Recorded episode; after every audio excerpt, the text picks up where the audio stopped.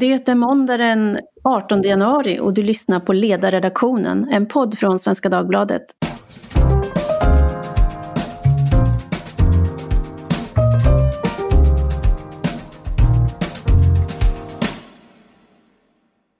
Jag heter Tove Livendal och idag ska vi tala om vad och hur vi lär oss något av den pågående pandemin. Det var kanske flera av er som såg SVT Agenda igår, ett slags makabert jubileumsprogram. Vi har levt med det här i ungefär ett år och det är en slitsam, segdragen kamp. Över 10 000 döda men också stora, ännu omätbara konsekvenser av allt från inställda operationer till konkursade livsverk, uppskjutna eller inställda saker som får irreversibla konsekvenser. Många unga människor vars liv sattes på paus just som de var på väg att ta världen i anspråk. Men också rekordsnabb vaccinframtagning och annan excellens i andra avseenden. Lärdomar och utveckling av ett år med corona i Sverige tänkte jag att vi skulle tala om idag och som gäst har jag bjudit in Niklas Arnberg som är professor i virologi vid Umeå universitet och ordförande i Svenska sällskapet för virologi. Varmt välkommen! Tack så mycket! Hur tycker du att Sverige har klarat av att hantera pandemin? Det här är en jättestor fråga som är väldigt svår att eh, svara på egentligen. Men man kan ju jämföra oss med en hel del andra länder och då tycker jag väl, ja men okej, vi har klarat oss bättre än en del länder och så har vi klarat oss sämre än en del andra länder. Eh, och en sån här pandemi som vi drabbas av just nu är ju väldigt få människor som har sett komma. Så det är ju väldigt svårt för väldigt många länder att klara av den på ett tillfredsställande sätt.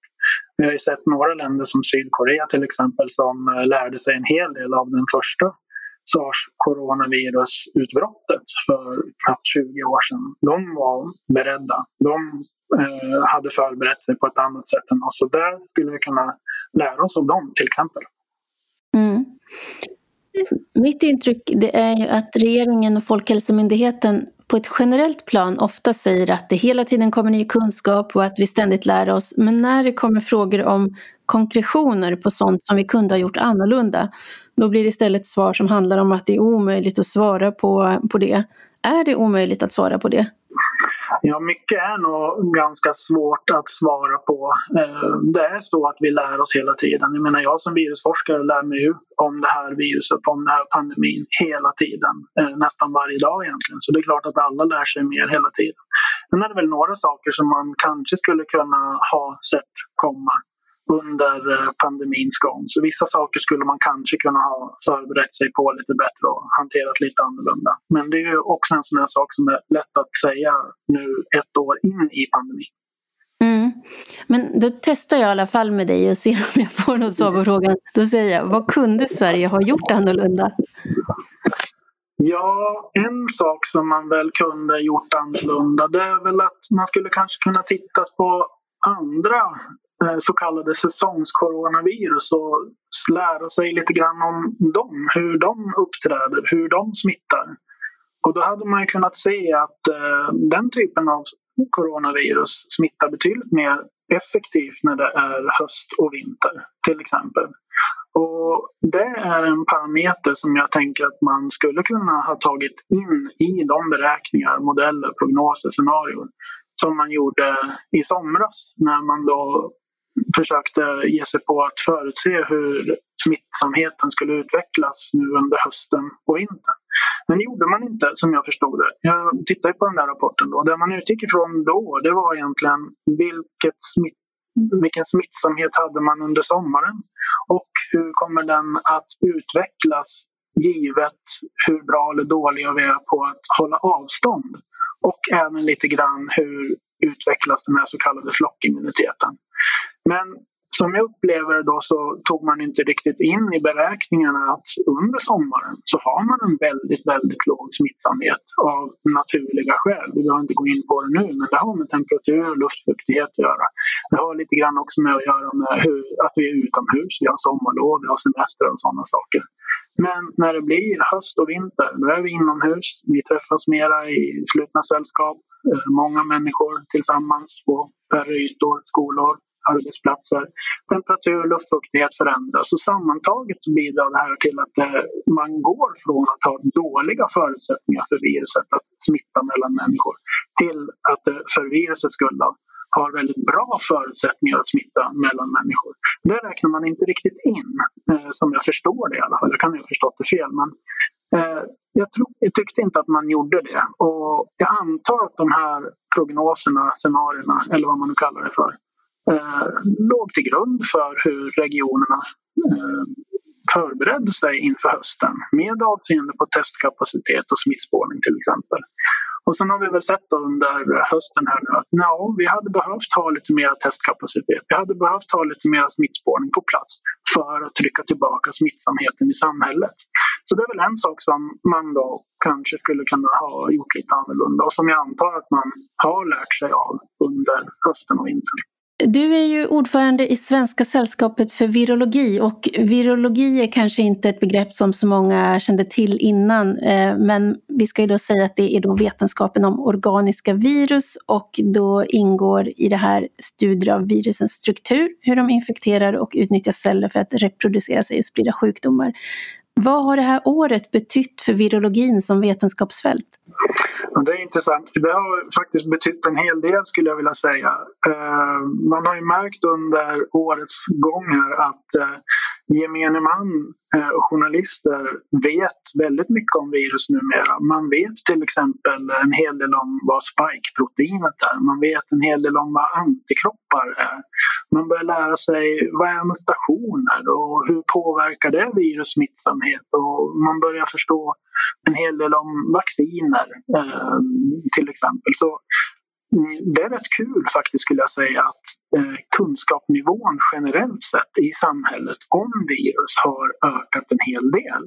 Och det tycker jag är roligt. Nu hade man ju önskat att det var på grund av någonting annat än en virusorsakad pandemi. Men det är ändå bra, positivt att eh, den generella kunskapsnivån om virus och virusinfektioner och virusinfektioners påverkan på samhället, på sjukvården, ekonomi och sånt i stort har verkligen eh, ökat rejält.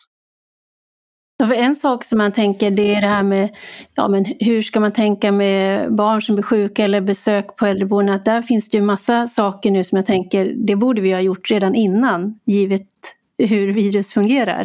Exakt, ja. men då är det väl lite grann så här, men, ja, men när man eh, går till jobbet eller går till skolan. Det är nästan lite fult, eller har varit lite fult förut att vara hemma för att man är förkyld eller sjuk och har feber, hosta eller någonting sånt. Det är som att man ska vara duktig, man ska göra sin plikt, man ska kämpa och sådär. Men nu har det förändrats en hel del. Nu tycker alla att det är verkligen riktigt dumt att eh, gå till skolan eller jobbet när man är sjuk. Och jag, jag hoppas egentligen att det här nya tankesättet är någonting som man kommer att ta med sig eh, in i framtiden. För vi har ju en hel del andra vanliga virusinfektioner som orsakar en jäkla massa elände även under icke-pandemiska år. Mm. Ja, men eh, vi som har mindre barn, det brukar vara en sån evighet att de, de där bara går runt, runt, runt. Och man, man tänker att man blir frisk om 12 år eller någonting sånt där. Ja, ungefär. Och där kan man ju säga att eh, jag vet ju att eh, Försäkringskassan pyntar ut 7 miljarder varje år i så kallad vab.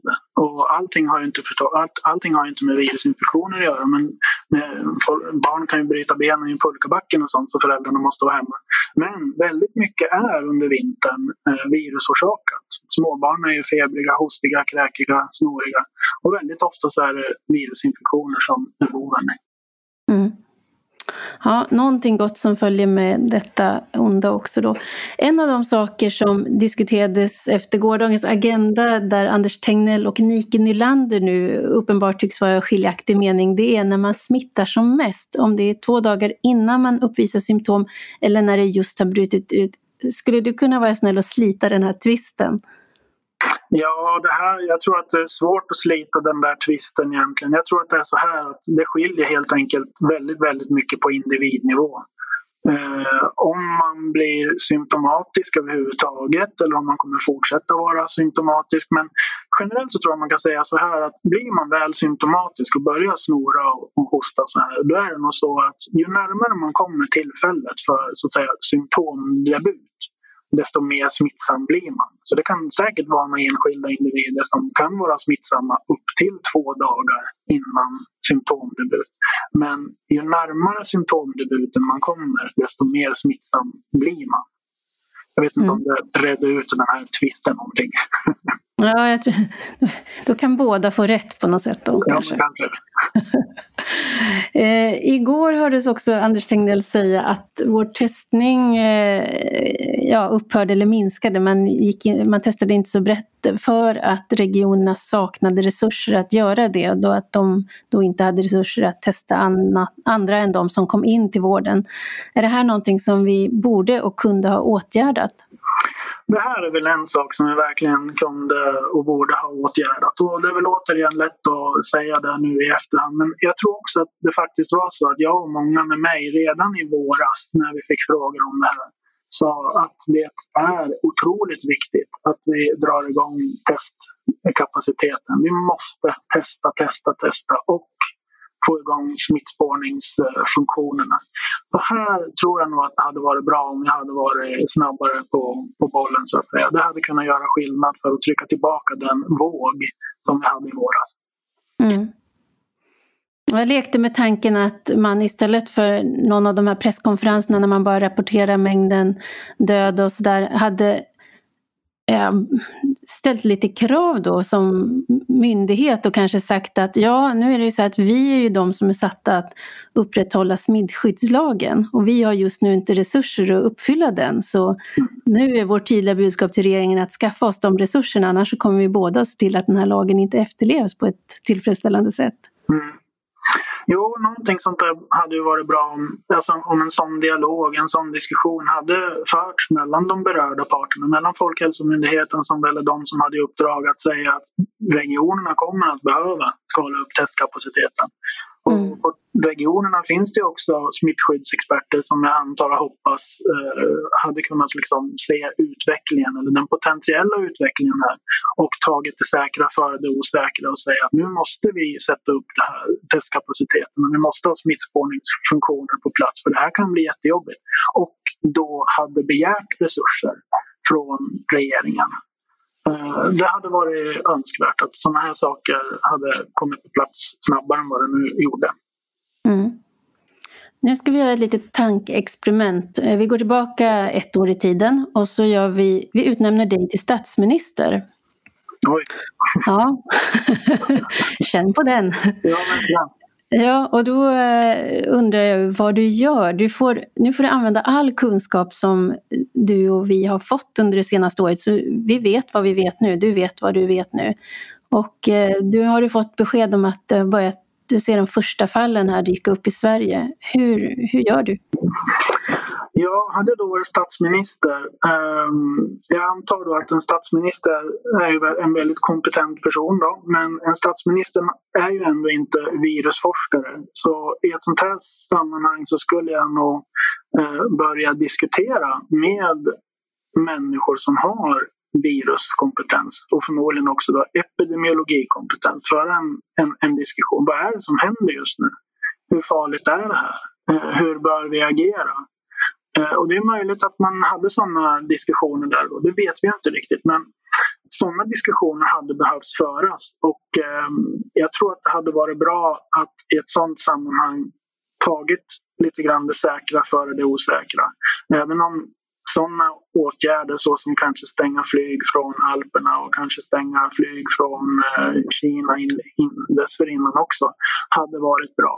Eh, definitivt skulle man också ha frågat vården, i så fall om inte vården redan frågat, eh, om man behöver mer kapacitet för tester och smittspårning. Det hade varit jätte, jättebra. Men det här är väl några grejer som man gör när någonting händer. Alltså, det här handlar ju om hur ska man göra det bäst när man reagerar. Men vad man egentligen borde ha gjort för många år sedan det är att agerat proaktivt.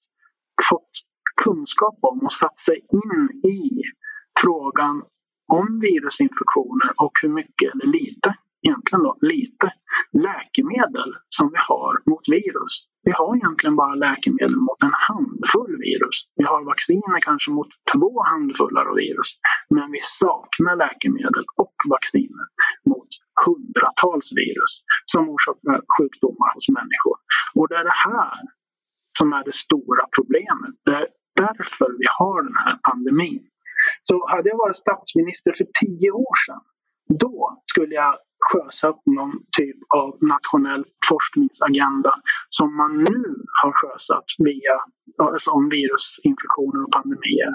En sån forskningsagenda som sjösatts för 10 eller 20 år sedan den hade kanske, om den hade haft tillräckligt med muskler, lett fram till att vi hade haft läkemedel mot den här coronavirus-orsakade eh, pandemin.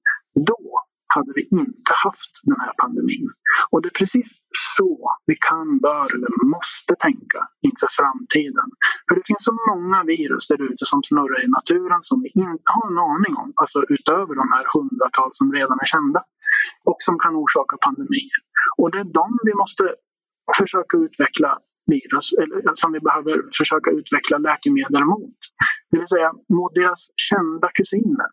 Och ett exempel är egentligen att vi har läkemedel som fungerar sådär bra mot influensavirus. Vanliga säsongsinfluensavirus. Men de läkemedlen fungerar också mot nya, okända, pandemiska influensavirus. Så på samma sätt så kan man tänka att hade vi haft läkemedel mot de här säsongskoronavirusen då hade vi förmodligen också haft läkemedel mot det nya coronaviruset. Och det är därför som vi behöver jobba brett och försöka få fram läkemedel mot många av de andra kända virus som vi i nuläget inte har läkemedel mot. För att vi ska ha bättre skydd och ha fler läkemedel tillgängliga när vi drabbas av nästa virusorsakade pandemi.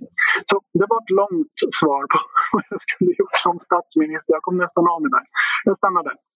Ja, nej men det var, det var mycket bröd i det. Så det var, det, jag är mer van vid politikersvar som består av varm luft så att det var välkommet med innehåll. Eh, i, I vår kontakt inför den här podden då påpekar du att WHO har utlyst globalt nödläge sex gånger de senaste tolv åren och att alla de nödlägena har orsakats av virus. Och eh, givet det statsministern nyss sa så är det ju då uppenbart att vi har att vänta oss fler. Det är inte så att vi kan bli av med, vi kan inte tänka oss en viruslös framtid utan vi kommer att få leva med det här antar jag. Ja, vi kommer definitivt att få vara med om att WHO utlyser flera globala nödlägen under de kommande 10-15 åren. Det får vi räkna med. Eh, vi kan hoppas på, hålla tummarna för, att det inte leder till en ytterligare virusorsakad pandemi. Men risken finns.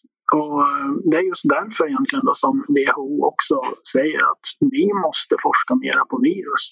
WHO har tagit fram någonting som man kallar för en R&D, det vill säga Research and Development Blueprint för prioritering av infektionssjukdomar. Alltså man pekar ut vilka infektionssjukdomar, smittämnen är det, som vi behöver prioritera när det gäller forskning och utveckling. Eh, och då landar man i att alla de eh, smittämnen, infektionssjukdomar som man pekar ut, de är orsakade av virus. Så det är samma sak där som med de här globala nödlägena som har utlysts under de senaste 12 åren. Det är virus efter virus efter virus. Och det kopplar till, återigen, att vi har inte läkemedel mot virus. Så det är det som är problemet och det är så vi ska förbereda oss. Vi måste forska mer på virus för att få fram läkemedel. Då kanske vi klarar det bättre i framtiden. Jag vill bara fråga en sak apropå det här med eh, mycket omdebatterade begreppet flockimmunitet. Mm. Eh, hur ska man tänka kring det? För det finns ju, det ena är ju, ska man liksom låta, behöver man låta någonting blåsa genom befolkningen med effekten att några dör då för att flertalet ska kunna få någon form av immunitet? Eller ja, hur ska man tänka kring detta? Jag tror inte man kan tänka så, eh, för då är det som att man verkligen har gett upp. Och man kan inte heller ge upp i förväg när vi vet att nu kan vi drabbas av en pandemi som, inte, som orsakas av ett virus som vi inte riktigt vet hur snabbt det smittar och vi vet inte riktigt, riktigt heller hur sjuka vi kommer bli eller hur många döda som, kommer att, som, som vi kommer att, att få. Eh, så det, man kan inte och får inte och ska inte tänka så att vi ska låta det här blåsa igenom så att vi får flockimmunitet. Det kan, nej, nej, bara ett big no-no. Tydligt och klart. Eh, varmt tack till dig Niklas Arnberg, professor i virologi vid Umeå universitet för att du ville gästa podden idag. Tack själv. Och tack också till er som har lyssnat. Har ni frågor eller funderingar? Vi kommer att återkomma både till ämnet och säkerligen till gästen igen. Ni hör av er och mejlar till ledarsidan svd.se. Producent idag var Jesper Sandström. Tack för idag.